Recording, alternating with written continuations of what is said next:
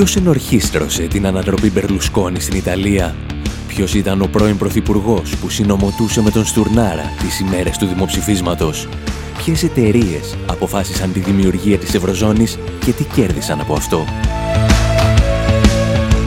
Οι δημιουργοί των ντοκιμαντέρ «Χρεοκρατία», «Καταστρόικα» και «Φασισμός ΑΕ» επιστρέφουν με μια νέα παραγωγή. This is not a coup. Δεν ήταν πραξικόπημα, είναι η Ευρωπαϊκή Ένωση. Μάθε πώς μπορείς να βοηθήσεις και εσύ την ολοκλήρωση του ντοκιμαντέρ στη διεύθυνση infowarproductions.com Η διεύθυνση infopavlawar.gr Η εκπομπή Infowar με τον Άρη Χατζηστεφάνου.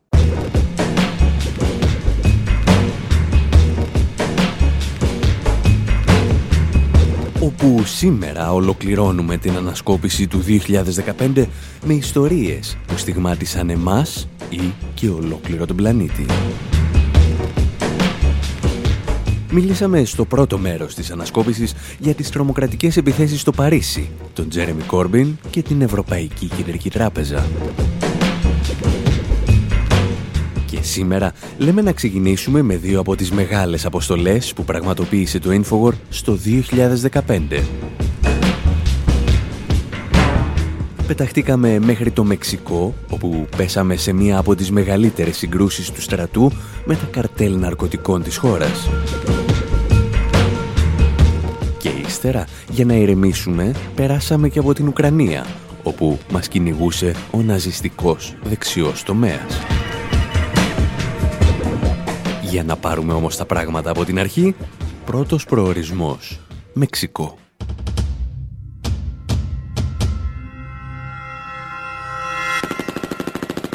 Con cuerno de chivo y bazooka en la nuca, volando cabezas al que se atraviesa. Somos sanguinarios, locos, bien ondeados, nos gusta matar.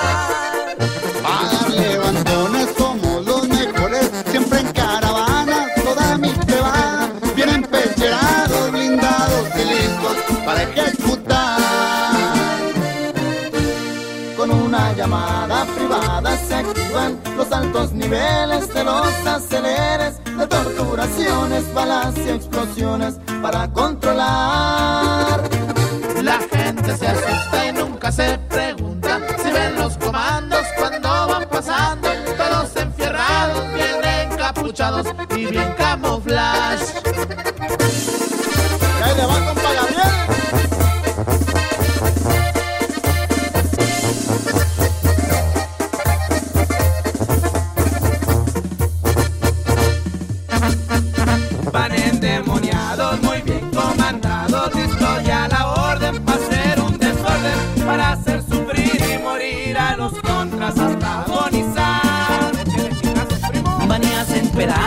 Gente a balazos, ráfagas continuas que no se terminan, cuchillo afilado, cuerno atravesado para degollar. Traen mente de varios revolucionarios como Pancho Villa peleando en guerrilla, limpiando el terreno con bazuca y cuerno que hacen retumbar.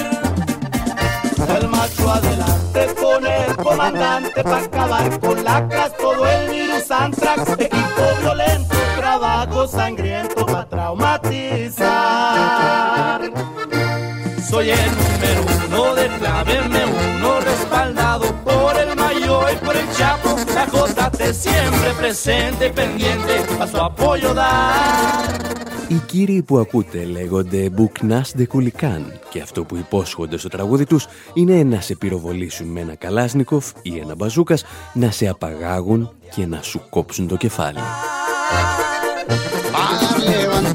Το τραγούδι ανήκει στη λεγόμενη κατηγορία των ναρκοκορίντος, ένα λογοπαίγνιο με τα ναρκωτικά και τα κορίντος, όπου κορίντος είναι μια μορφή παραδοσιακών τραγουδιών που χρησιμοποιούνταν στην Επανάσταση της Νικαράγουας, αλλά και στο Μεξικό. Τα ναρκοκορίντος εξυμνούν τις πράξεις των καρτέλ ναρκωτικών που αποτελούν πλέον κράτος εν κράτη στο Μεξικό. Το συγκεκριμένο τραγούδι εξηγεί με κάθε λεπτομέρεια πώς μπορείς να κόψεις το λαιμό του αντιπάλου σου με ένα μαχαίρι, ενώ συγκρίνει αυτές τις επιλογές σου με την επαναστατική δράση του Παντσοβίγια. Πρόκειται δηλαδή για ένα ιδεολογικό, πολιτικό και κοινωνικό αχταρμά στον οποίο μπορείς να πέσεις μόνο αν καταναλώνεις τα ναρκωτικά που θα έπρεπε να πουλάς. Το πρόβλημα σε ό,τι μας αφορά είναι ότι αρκετές από τις ιστορίες που περιγράφει το τραγούδι σημειώθηκαν στο Μεξικό όσο διάστημα βρισκόμασταν και εμείς εκεί. Άνδρες των καρτέλ κατέριψαν με αντιαρματικές ρουκέτες ένα ελικόπτερο της αστυνομίας και συγκρούστηκαν με ομοσπονδιακές δυνάμεις του Μεξικού. Απολογισμός, τουλάχιστον 40 νεκροί και δεκάδες τραυματίες. Το κράτος του Μεξικού βρίσκεται για άλλη μια φορά σε πόλεμο με τους μεγαλύτερους ναρκέμπορους. Το πρόβλημα είναι ότι δεν είναι πάντα σαφές ποιος εκπροσωπεί το κράτος και ποιος τα καρτέλ. The latest cartel target, Mexico's military. The Jalisco New Generation cartel took the fight to the next level, shooting down a military helicopter, helicopter with a rocket-propelled grenade, killing people, six of them, last week. Τα διεθνή μέσα ενημέρωσης μιλούσαν τις τελευταίες ημέρες, ίσως για πρώτη φορά, για το διαβόητο καρτέλ με την ονομασία Νέα Γενιά του Τζαλίσκο ένα καρτέλ το οποίο αμφισβητεί ευθέως την εξουσία του Μεξικανικού στρατού. Και τι παραπάνω έχει το συγκεκριμένο καρτέλ από όσα προηγήθηκαν; Καταρχήν, η βιαιότητα των ενεργειών του μπορεί να συγκριθεί μόνο με τα πλάνα που βλέπουμε από τη δράση του Ισλαμικού κράτους στη Συρία και το Ιράκ. Η νέα γενιά του Τζαλίσκο, όταν δεν απάγει και βιάζει τα θύματα της, αποκεφαλίζει τους αντιπάλους της και σέρνει τα κομμένα κεφάλια στους δρόμους. Ενώ όμως τα αντίστοιχα κομμένα κεφάλια του ISIS παρουσιάζονται σαν επαρκής λόγος για να στείλουμε δυτικά στρατεύματα στη Μέση Ανατολή, κανείς δεν σκέφτεται να εισβάλλει σε μια χώρα σύμμαχο των Ηνωμένων Πολιτειών όπως το Μεξικό. Επίσης, τα μέλη του κράτους του Ισλάμ είναι μουσουλμάνοι, ενώ τα μέλη των μεξικανικών καρτέλ είναι πιστοί χριστιανοί. Οπότε και πάλι δεν συζητάμε το ενδεχόμενο μιας ανθρωπιστικής εισβολής σε μια χριστιανική χώρα. Υπάρχει όμως και ένα άλλο ιδιαίτερο χαρακτηριστικό των νέων καρτέλ, όπως η νέα γενιά του Τζαλίσκο, που θυμίζει αρκετά το κράτος του Ισλάμ. Σύμφωνα με πληροφορίες, τα μέλη του συγκεκριμένου καρτέλ έχουν εκπαιδευτεί και από Αμερικανούς πρώην πεζοναύτες που βρέθηκαν στη λάθος μεριά του πολέμου κατά των ναρκωτικών. Επίσης, άλλα καρτέλ της περιοχής, όπως η διαβόητη Ζέτας, αποτελούνται ως επιτοπλίστων από Μεξικανούς πρώην στρατιώτες. Περίπου δηλαδή ότι συνέβη και με στελέχη του μπαθικού καθεστώτος στο Ιράκ που πέρασαν στο στρατόπεδο των τζιχαντιστών. Αποδεικνύει μήπως αυτό ότι οι Ηνωμένες Πολιτείες βρίσκονται και πίσω από την ανθρωποθυσία που συντελείται εδώ και τέσσερις δεκαετίες με τον λεγόμενο πόλεμο κατά των ναρκωτικών; Επειδή η κατάσταση είναι ελαφρώς σύνθετη, λέμε να πιάσουμε τα πράγματα από την αρχή. Ύστερα όμως από ένα μικρό διάλειμμα.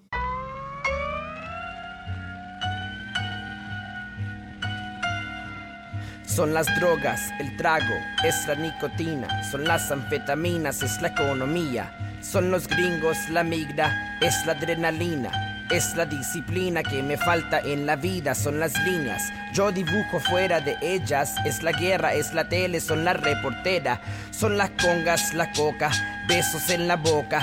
Mira a la loca con su nueva ropa.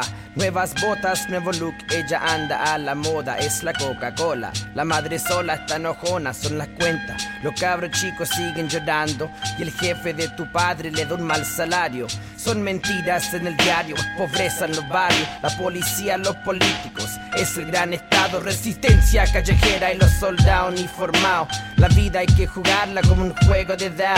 Tan quemado, pan tostado, con los ojos colorados. Rebelde, sigo libre, no estoy controlado. Las corporaciones siguen en cama con los gobiernos. Entre ellos son tiernos, se comparten el dinero. Lo comparten entre ellos como que si fuera ciego y no viera este juego. El del mira lo que tengo, el del tengo, tengo todo porque al pobre se lo robo. El del dale con violencia, explosiones, plomo y nos quieren quitar todo como un gran desalojo. Pero no me enojo, solo me pongo negro y rojo.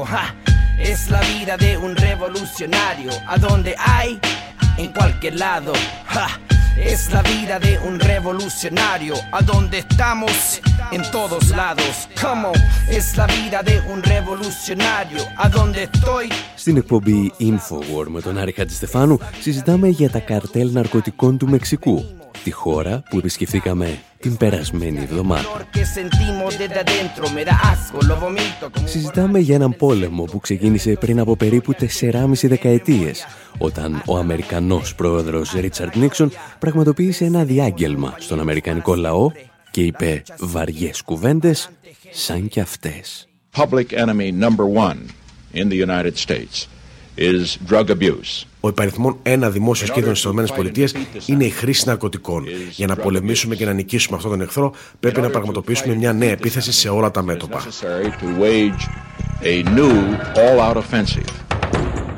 Λέγοντας φυσικά όλα τα μέτωπα, ο πρόεδρος Νίξον δεν εννοούσε όλα τα μέτωπα. Ο πόλεμος εναντίον των ναρκωτικών που ξεκίνησε το 1971 δεν αφορούσε τη ζήτηση που προέρχεται από τις Ηνωμένες Πολιτείες, αλλά την προσφορά που δημιουργείται στη λεγόμενη πίσω αυλή της Αμερικής, δηλαδή στις σύγχρονες απικίες της Ουάσιγκτον. Ο πόλεμος κατά των ναρκωτικών αποτέλεσε μεταξύ άλλων και μια πρώτη τάξεως ευκαιρία για στρατιωτικές επεμβάσεις στη Νότια Αμερική.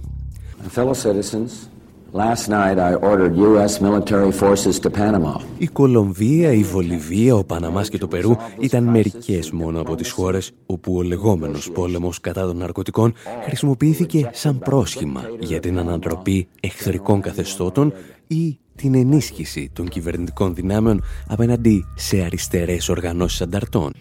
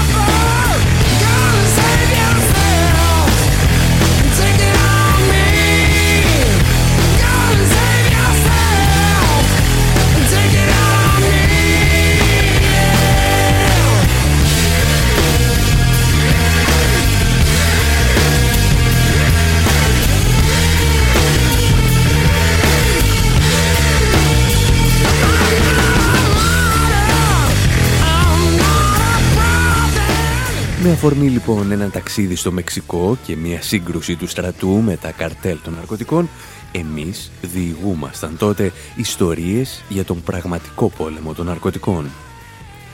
Και ύστερα αλλάξαμε Ήπειρο και αλλάξαμε και πόλεμο. Το Infowar ταξίδεψε μέχρι το Κίεβο, ακολουθώντας μια αποστολή με τον Κώστα Ήσυχο και την Άντια Βαλαβάνη, που θα συναντούσε μέλη της ελληνικής ομογένειας Ανταυτού μας περίμενε μια ομάδα μαχητών του ναζιστικού δεξιού τομέα με όχι και τόσο καλές διαθέσεις. Και εμείς τους πήραμε μία συνέντευξη.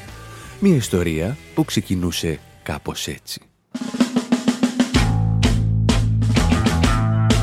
Полощет ветер флаги перемен Донбасс готов врага земли снести Он как боец поднимется с колен Чтоб вновь свободу обрести. А вступать больше некуда Так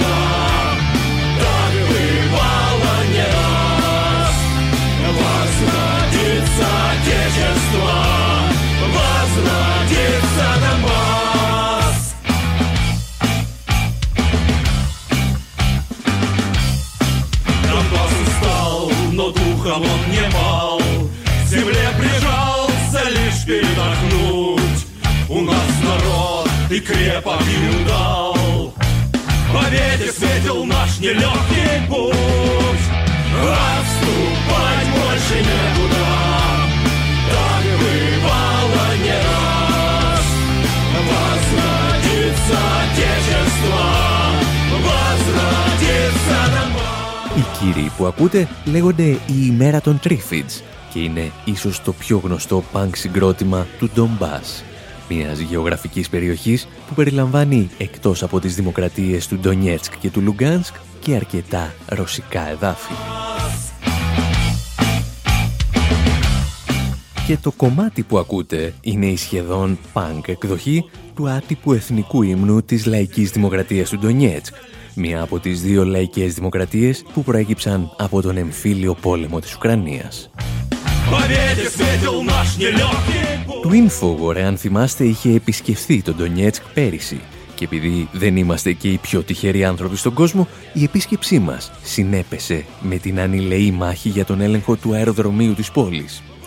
Δυνάμεις της ναζιστικής οργάνωσης δεξιός τομέας είχαν αποκλειστεί στο αεροδρόμιο και βομβάρδιζαν ακόμη και κατοικημένες περιοχές. Τότε είχαμε γνωρίσει τα μέλη της πολιτοφυλακής του Ντονιέτσκ. Αυτή την εβδομάδα όμως η τύχη μας έφερε να γνωρίσουμε από κοντά και τον δεξιό τομέα. Έχοντας περάσει πέντε ώρες αποκλεισμένη σε ένα ξενοδοχείο, η ελληνική αποστολή αποφασίζει να σπάσει τον κλειό των παρακρατικών. Τις επόμενες ώρες, καθώς οι ακροδεξίες ομάδες ακολουθούν και τραμπουκίζουν την αποστολή, το Infowar καταφέρνει να εξασφαλίσει μια συνέντευξη με έναν από τους επικεφαλείς και διοργανωτές αυτής της κινητοποίησης. Ο συνομιλητής μας λέγεται Τεοντόρ Πανόφσκι. Θέλει όμως να τον αποκαλούμε Κομμαντάντε Στάμπο. Είναι επικεφαλής της ομάδας αυτοάμυνας Μαϊντάν της Οδυσσού. Патріотичною діяльністю. Патріотичною діяльністю. Для того, щоб ви зрозуміли, я вам поясню. Στην ερώτηση ποιος είναι ο ρόλος της οργάνωσής του, αυτό χαρακτηρίζεται σαν πατριώτης, που στόχο έχει, λέει, να προστατεύσει το Ουκρανικό κράτος και τον Ουκρανικό πολιτισμό. Ми виявляємо сепаратистів, де вони знаходяться. Το βασικό καθήκον της ομάδας του όμως, μας εξηγεί ο κομμαντάντε Στάπο, είναι να σταματούν τις ομάδες που επιθυμούν τη διάσπαση της χώρας του. Και αν κρίνει κανείς από το βλέμμα του, σε αυτές τις ομάδες φαίνεται να συμπεριλαμβάνει και εμάς. Якщо м, ви звернули увагу, в нашій державі сьогодні відбуваються бойові дії. Φοράμε τις στρατιωτικές στολές, μας εξηγεί ο Τεοντόρ λίγο αργότερα, γιατί ανήκουμε σε ομάδες που πηγαίνουν στην Ανατολική Ουκρανία και συμμετέχουν στις στρατιωτικές επιχειρήσεις. Αν και αρνείται να μπει σε λεπτομέρειες για τη δική του δράση στην περιοχή, ο συνομιλητής μας επιβεβαιώνει τη δράση ενόπλων ομάδων σε συγκρούσεις που υπό φυσιολογικές συνθήκες θα έπρεπε να συμμετέχει μόνο ο Ουκρανικός στρατός. Για τους αντιπάλους τους στις λαϊκές δημοκρατίες του Ντονιέτσκ και του Λουγκάνσκ, ο κομμαντάντες Στάμπο είναι ένας από τους ένοπλους φασίστες που πρέπει να πεθάνουν, όπως πέθαιναν και οι δοσύλλογοι προγονείς του στο Δεύτερο Παγκόσμιο Πόλεμο. Ο ίδιος πάντως αρνείται τους χαρακτηρισμούς φασίστας ή ναζιστής. Η προπαγάνδα της Μόσχας σε αυτό το τομέα, λέει ο συνομιλητής μας, λειτουργεί πολύ αποτελεσματικά και τους επιτρέπει να παρουσιάζουν μια εντελώς διαφορετική κατάσταση από αυτή που πραγματικά υπάρχει. Όπως και η Χρυσή Αυγή στην Ελλάδα, τα μέλη της ομάδας αυτοάμυνας του Μαϊντάν δηλώνουν εθνικιστές, αλλά αρνούνται τον τίτλο του φασίστα ή του ναζιστή. Η συζήτησή μας με τον επικεφαλής της ομάδας αυτοάμυνας του Μαϊντάν συνεχίζεται και για τα πολιτικά ζητήματα της Ουκρανίας και της Οδυσσού αποφεύγει να απαντήσει στις ερωτήσεις μας για το αν θεωρεί ότι η Ευρωπαϊκή Ένωση θα έπρεπε να αποδέχεται τέτοιες ομάδες, όπως έκανε παλαιότερα με το Εθνικό Σοσιαλιστικό Κόμμα Σβόμποντα στο Κίεβο. Ο ίδιος θεωρεί ότι η ομάδα του δεν είχε ποτέ στήριξη ούτε από Ευρωπαίους, αλλά ούτε και από την κυβέρνηση του Κιέβου και το λέει παρά το γεγονός ότι οι δυνάμεις του έχουν πολεμήσει μαζί με τον Ουκρανικό στρατό στις περιοχές των Ρωσόφωνων της Ανατολικής Ουκρανίας. Ίσως πάντως το πιο ενδιαφέρον κομμάτι αυτής της συζήτησης για τις πολιτικές εξελίξεις στην περιοχή του είναι η θέση του για τον νέο κυβερνήτη της Οδυσσού, τον πρώην πρόεδρο της Γεωργίας, Μιχαήλ Σακασβίλη. Όταν τον ρωτάω πώς αισθάνεται που έφεραν να τον κυβερνά ένας πολίτης μιας ξένης χώρας, απαντά μονολεκτικά. Positivno. Θετικά. Αυτά λέγαμε λοιπόν και για την Ουκρανία μέσα στο 2015 ανάμεσα στις πολλές και μεγάλες αποστολές που πραγματοποίησε το Infowar. Εσείς μένετε εδώ γιατί η ανασκόπηση συνεχίζεται.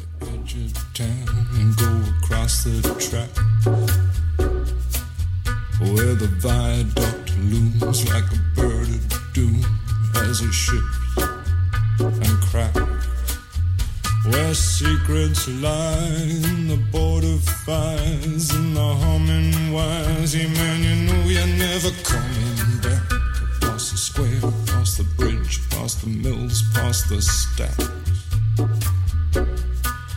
On a gathering storm comes a tall, handsome man in a dusty black coat with a red right hand.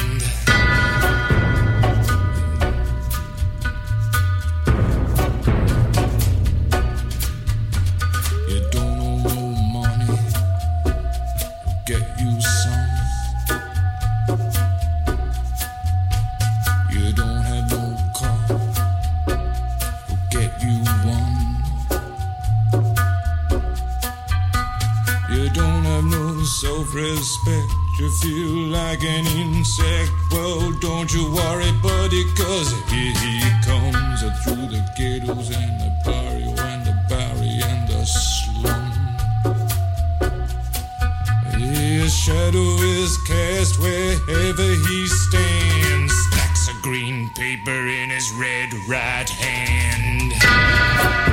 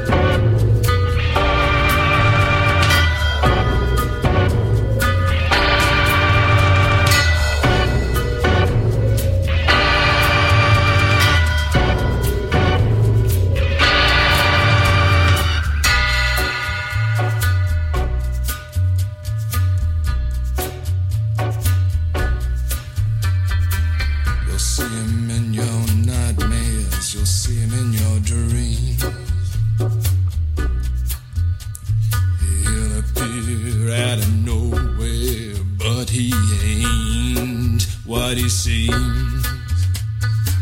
You'll see him in your head on the TV screen. Hey, buddy, I'm warning you to turn it off. Uh, he's a ghost, he's a god, he's a man, he's a guru.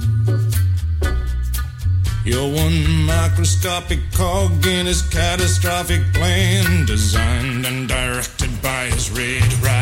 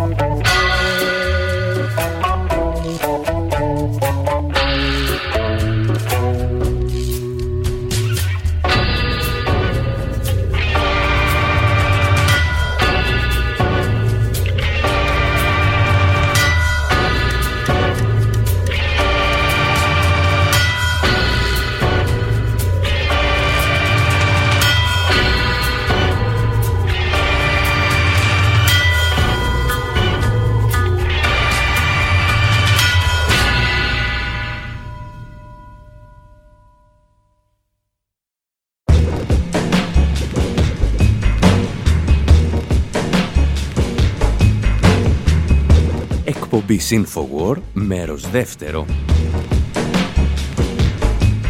όπου σκεφτήκαμε να κλείσουμε την ανασκόπηση της χρονιάς με μερικά τούβλα. Θα θυμηθούμε μερικές σκέψεις που είχαμε μοιραστεί για τις λεγόμενες χώρες BRICS, η ενίσχυση των οποίων ίσως και να ήταν η σημαντικότερη οικονομική εξέλιξη των τελευταίων δεκαετιών, αλλά ίσως και όχι. Μια ανάλυση που τώρα, όπως και τότε, ξεκινούσε με ολίγων από Arctic Monkeys.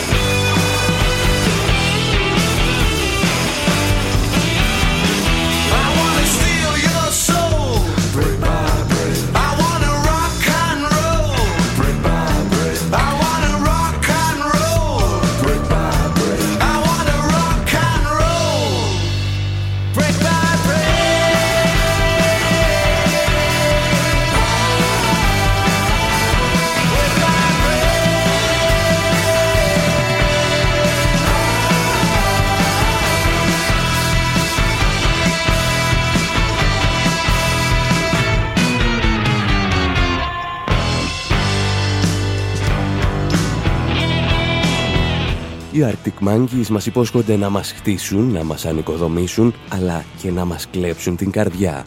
Τούβλο με το τούβλο. Brick by brick. Πάνω κάτω δηλαδή, μας υπόσχονται ότι και οι χώρες μέλη των BRICS. Αυτό που ελάχιστοι θυμούνται σήμερα είναι ότι ο όρος BRICS είναι δημιούργημα της Goldman Sachs το ημερολόγιο έγραφε 2001, όταν ο διευθύνων σύμβουλος της εταιρείας, ο Τζιμ Ονιλ, χρησιμοποίησε για πρώτη φορά το ακρονίμιο για να περιγράψει τις αναδυόμενες οικονομίες της Βραζιλίας, της Ρωσίας, της Ινδίας και της Κίνας. Ούτε ο ίδιος βέβαια δεν μπορούσε να φανταστεί ότι σχεδόν 10 χρόνια αργότερα οι χώρες αυτές με την προσθήκη και της Νοτιού Αφρικής θα πραγματοποιούσαν την πρώτη τους διεθνή διάσκεψη και το πρώτο τους μέλημα ήταν να δημιουργήσουν υποκατάστατα για το Διεθνές Νομισματικό Ταμείο και την Παγκόσμια Τράπεζα. Όπως είδαμε όμως, αυτά τα δύο όργανα αντικατόπτριζαν την παγκόσμια οικονομική ισχύ των ΗΠΑ μετά το Δεύτερο Παγκόσμιο Πόλεμο. Είναι τα BRICS σήμερα σε θέση να αμφισβητήσουν αυτή την πρωτοκαθεδρία. Όπως εξηγούσε ο νομπελίστας οικονομολόγος Τζόζεφ Στίγκλιτς, μιλώντας στο Democracy Now, μάλλον είναι. Oh, it's very, very important. Uh, in many ways. Είναι μια πολύ σημαντική εξέλιξη για πολλούς λόγους. Αντικατοπτρίζει μια μεγάλη αλλαγή στην παγκόσμια οικονομική και πολιτική ισχύ. Σήμερα οι χώρες BRICS είναι πιο πλούσιες από ό,τι ήταν αναπτυγμένες χώρες στην εποχή που δημιουργήθηκε η Παγκόσμια Τράπεζα και το Διεθνές Νομισματικό Ταμείο. Ζούμε σε μια διαφορετική εποχή. Ο κόσμος μας όμως δεν ακολούθησε τις εξέλιξει. Οι παλιοί θεσμοί δεν ανταποκρίνονται στις εξέλιξει. The old institutions have not kept up. Ένας άλλος μεγάλος διανοητής της εποχής μας, ο David Harvey, θα συμφωνήσει με τον Στίγκλιτς ότι κάνουν την εμφάνισή τους νέα κέντρα ισχύως. Μόνο που, όπως λέει, αυτά δεν μπορούν να λειτουργήσουν ακόμη χωρίς τα παλαιά κέντρα ισχύως. As I see it, there are certain power blocks emerging, but they're, they're heavily dependent upon each other. Επί του παρόντος πιστεύω ότι υπάρχουν νέα αναδυόμενα κέντρα ισχύως. Το ένα όμως εξαρτάται από το άλλο. Παραδείγματος χάρη, η Αμερική φοβάται την Κίνα και θα ήθελε να την εξοβελήσει. Δεν μπορεί όμως να το κάνει γιατί η Κίνα ελέγχει το μεγάλο μέρος του Αμερικανικού χρέους. Την ίδια στιγμή οι Κινέζοι δεν μπορούν να σταματήσουν να στηρίζουν το Αμερικανικό χρέος γιατί θα χάσουν τη βασική τους αγορά. Υπάρχει λοιπόν ισχυρή αλληλεξάρτηση μεταξύ των κέντρων ισχύως.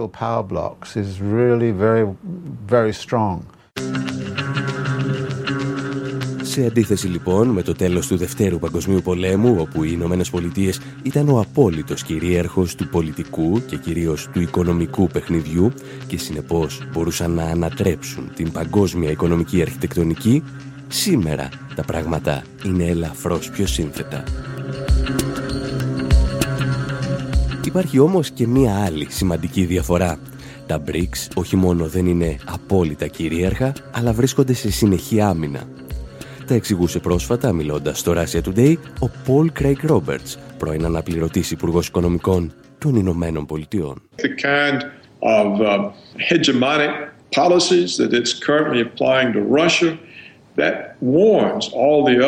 Η ηγεμονική πολιτική των ΗΠΑ απέναντι στη Ρωσία αποτελεί μια προειδοποίηση για τις άλλες χώρες που λένε αυτό μπορεί να συμβεί και σε εμάς και πρέπει να βγούμε έξω από αυτό το αμερικανικό σύστημα. Πρέπει να φτιάξουμε το δικό μας, ώστε να μην πέφτουν θύματα του οικονομικού τραποκισμού. Η Washington λοιπόν προσπαθώντας να εμποδίσει την άνοδο των BRICS πετυχαίνει ακριβώς το αντίθετο αφού τους αναγκάζει να βιαστούν και να προχωρήσουν με ταχύτερους ρυθμούς. Uh, to hurry up and go forward faster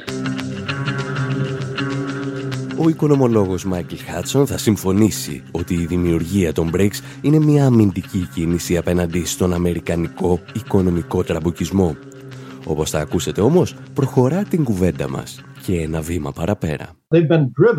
Into a mutual economic defense alliance by the US... Οι χώρες αυτές οδηγήθηκαν σε μια αμοιβαία συμμαχία οικονομικής άμυνας λόγω των κυρώσεων που επιβάλλει ο Άσχητο στη Ρωσία και τις απειλές εναντίον της Κίνας.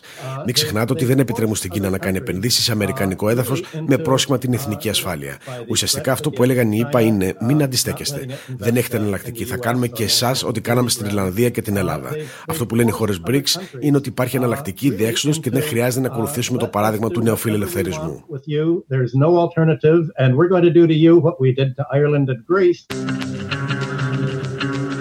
Αν όμως τα BRICS δημιουργούν μια εναλλακτική απέναντι στην κυριαρχία του νεοφιλελευθερισμού, Μήπως πρέπει να δεχθούμε τρέχοντας την προσφορά τους να ενταχθούμε στην τράπεζα επενδύσεων που δημιούργησαν;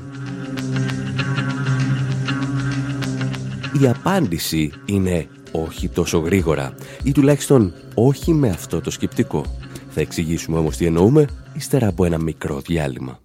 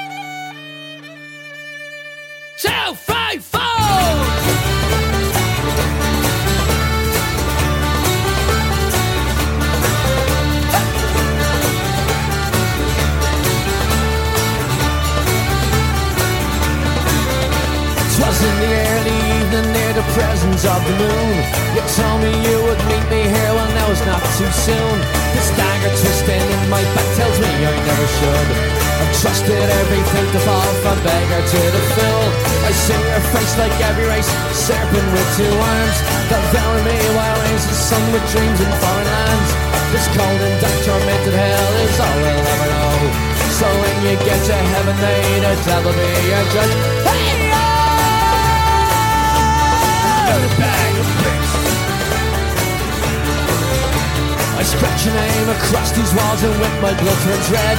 Then drips upon my killing floor where now I call my bed. No pressures like the harbor like so many here before. But every drop of life you take now brings a thousand more. Hey! Oh! Hey! Oh! Semper filled with blindness, just lost and lonely man. Dragged around your whipping tree, a scourge you can't command. So you deafen me with silence, show me with your roar. Scale me with your hollow eyes, still born into the core. The door won't go unanswered like so many closed before. No vagabond to knock upon this fired and beat war. When all return from exile, free from all one's bound. Decline and ball parasite, the truth will be found. Another bag of bricks to build up the Another bag of bricks.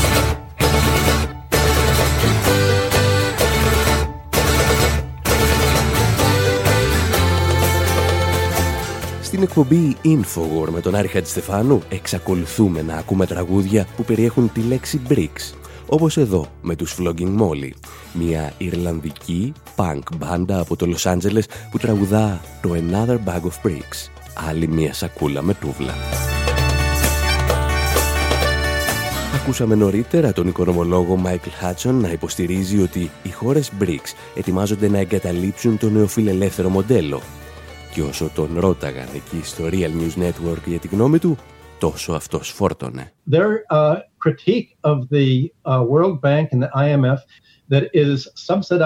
Ασκούν κριτική στο Διεθνές Νομισματικό Ταμείο και την Παγκόσμια Τράπεζα ότι ενισχύουν την οικονομική εξάρτηση. Γιατί αυτό που λένε οι θεσμοί είναι ότι προκειμένου να χρηματοδοτήσουν το εξωτερικό σας χρέος και τα ελλείμματα, θα πρέπει μια χώρα να ξεπολύσει το νερό της, τους φυσικούς πόρους και να κάνει και άλλες ιδιωτικοποιήσει.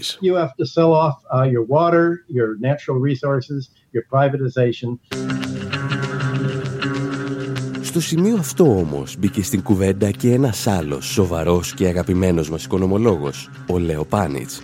«Για σταθείτε κύριε Χάτσον», είπε στον προηγούμενο ομιλητή, Είπαμε καλά τα BRICS, αλλά δεν οικοδομούν και το σοσιαλισμό επί της γης. These are very important developing capitalist countries. Unfortunately, they're developing capitalist countries rather than developing socialist countries. Πρόκειται για πολύ σημαντικές αναπτυσσόμενες καπιταλιστικές χώρες. Αυτό είναι και το πρόβλημα. Ότι δηλαδή δεν είναι αναπτυσσόμενες σοσιαλιστικές χώρες. Το βλέπουμε στο Εργατικό Κόμμα της Βραζιλίας ή ακόμα και στο Κομμουνιστικό Κόμμα της Νότας Αφρικής. Το ίδιο συμβαίνει και με τη δεξιά κυβέρνηση της Ινδίας και φυσικά με την Κίνα, όπου το Κομμουνιστικό Κόμμα μετατρέπει την πολιτική του ελίτ σε μια νέα αστική τάξη.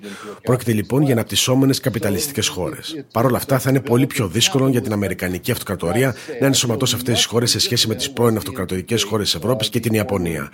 Αυτό σχετίζεται με το ότι δεν βρίσκονται υπό στρατιωτική κατοχή και έχουν σημαντικές διαφορές στη θρησκεία, τον πολιτισμό, την ιστορία και ούτω καθεξής. Uh,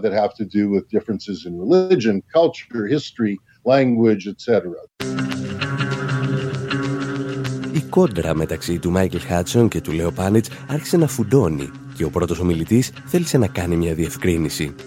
Όταν λέω ότι τα BRICS δεν είναι νεοφιλελεύθερα, δεν σημαίνει ότι δεν είναι και καπιταλιστικά. The common denominator is it's their capitalists against the US capitalists. Ο κοινός παρανομαστής αυτών των χωρών είναι ότι οι καπιταλιστές τους σέρφονται εναντίον των καπιταλιστών των ΗΠΑ.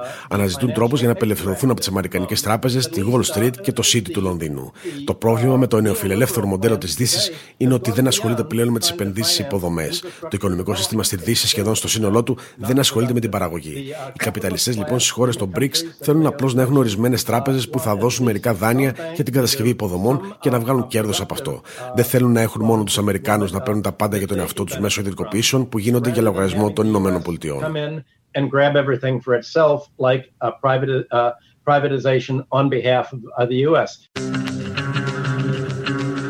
Το σκεπτικό του Μάικλ Χάτσον είναι σχετικά απλό. Οι αστικές τάξεις των BRICS έχουν διαφορετικές προτεραιότητες από τις αστικές τάξεις των χωρών της αναπτυγμένης Δύσης. Και αυτή η σύγκρουση μπορεί να μην αλλάζει τους κανόνες του παιχνιδιού, προσφέρει όμως μερικές δυνατότητες σε χώρες που βρίσκονται με το πιστόλι του χρέους στον κρόταφο. Εμείς όμως θέλαμε να παραμείνουμε στη μεγάλη εικόνα και να δούμε τι πραγματικά θα συνέβαινε εάν οι χώρες BRICS κατάφερναν να τραβήξουν το χαλί κάτω από τα πόδια του βασιλιά δολάριου. Αυτά και άλλα ενδιαφέροντα εντός ολίγου. A mark, a yen, a buck, or a pound, a buck, or a pound, a buck, or a pound is all that makes the world go round. That clinking, clanking sound can make the world go round.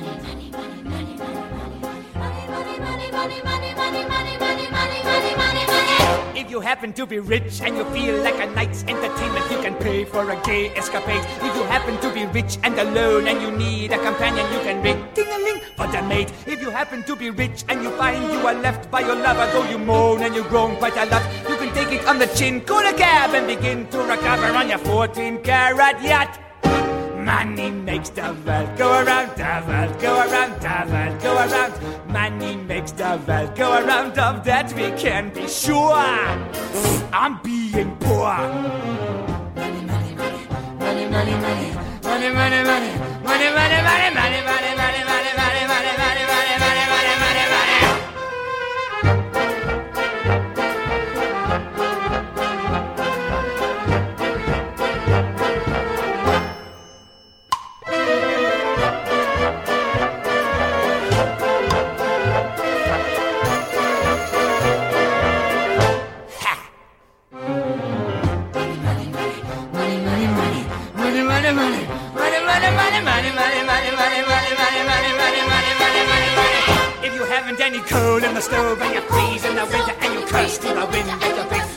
Στην εκπομπή Infowar με τον Άρη Χατζηστεφάνου υποστηρίζουμε πως όταν δύο καπιταλιστικά μπλοκ μαλώνουν, μερικές φορές δημιουργούνται λαμπρές ευκαιρίες για τους μικρούς παίκτες του συστήματος. Αρκεί να μην έχουν αυταπάτες για το παιχνίδι που παίζεται γύρω τους. Θέλουμε όμως να συνεχίσουμε την κουβέντα μας για τις χώρες BRICS και να δούμε τι θα σήμαινε για το δολάριο ως παγκόσμιο νόμισμα το ενδεχόμενο το νέο αυτό μπλοκ χωρών να προωθήσει τα δικά του νομίσματα.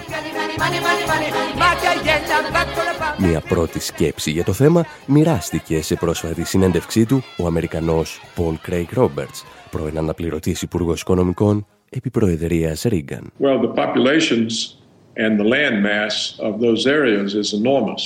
And uh, certainly China has taken over the lead of economic development from all of the countries. Τα πληθυσμιακά και γεωγραφικά μεγέθη είναι τεράστια. Η Κίνα μάλιστα βρίσκεται πλέον στην κορυφή της οικονομικής ανάπτυξης σε σχέση με όλες τις χώρες του κόσμου. Η Ινδία επίσης παρουσιάζει καλές επιδόσεις και διαθέτει τεχνογνωσία. Έτσι λοιπόν δημιουργείται η πιθανότητα να εγκαταλείψουν το δολάριο. Αν όμως εγκαταλείψουν τους οικονομικούς μηχανισμούς της Δύσης, απειλείται άμεσα η ισοτιμία του δολαρίου. Προκύπτει λοιπόν η δυνατότητα να δημιουργήσουν ένα πλέγμα εμπορικών σχέσεων το οποίο δεν θα ελέγχεται από τις ΗΠΑ.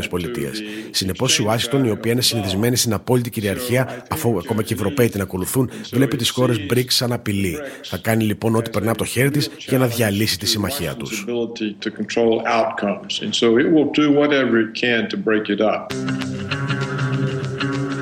Ίσως λοιπόν η πραγματική αγωνία που προκαλούν οι BRICS στην Ουάσιγκτον δεν είναι ότι αμφισβητούν το οικονομικό σύστημα, αφού δεν το κάνουν, αλλά ότι απειλούν το δολάριο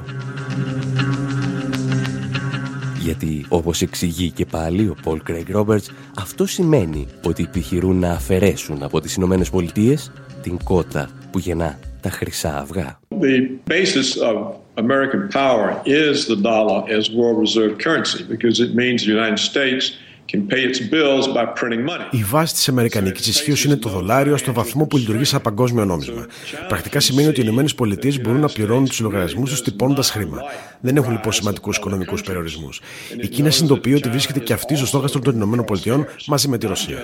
Λαμβάνει λοιπόν συγκεκριμένα μέτρα για να περιορίσει την ισχύ των ΗΠΑ και για να το πετύχει επιχειρεί να δημιουργήσει ένα σύστημα εμπορικών συναλλαγών στο οποίο ο ρόλος του δολαρίου θα εξαφανιστεί. Uh, in which the role of the dollar disappears. Κάπου εδώ όμως λέμε να σας αφήσουμε και για αυτή τη χρονιά. Το 2015 μπορεί να αποδείχθηκε το έτος όπου η Ελπίδα φόρεσε το κουστούμι του Γκοντό και δεν ήρθε ποτέ στο ραντεβού της, αλλά εμείς παραμένουμε παθολογικά αισιόδοξοι. Το 2015 ήταν η χρονιά των μεγάλων εκπλήξεων και ανακατατάξεων, της προσδοκίας για ορισμένους και της προδοσίας για τους περισσότερους. Το 2005 ήταν σίγουρα η χρονιά του όχι σε όλους και σε όλα και ίσως το 2016 να είναι η χρονιά του όχι απέναντι σε αυτούς που το έλεγαν και δεν το εννοούσαν.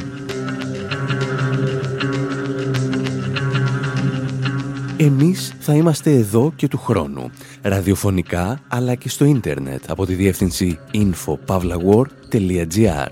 Θα μας βρείτε επίσης στο Twitter και το Facebook. Κυρίως όμως το 2016 θα είναι για εμάς η χρονιά ενός ακόμη μεγάλου ντοκιμαντέρ με πολλές πολλές αποκαλύψεις.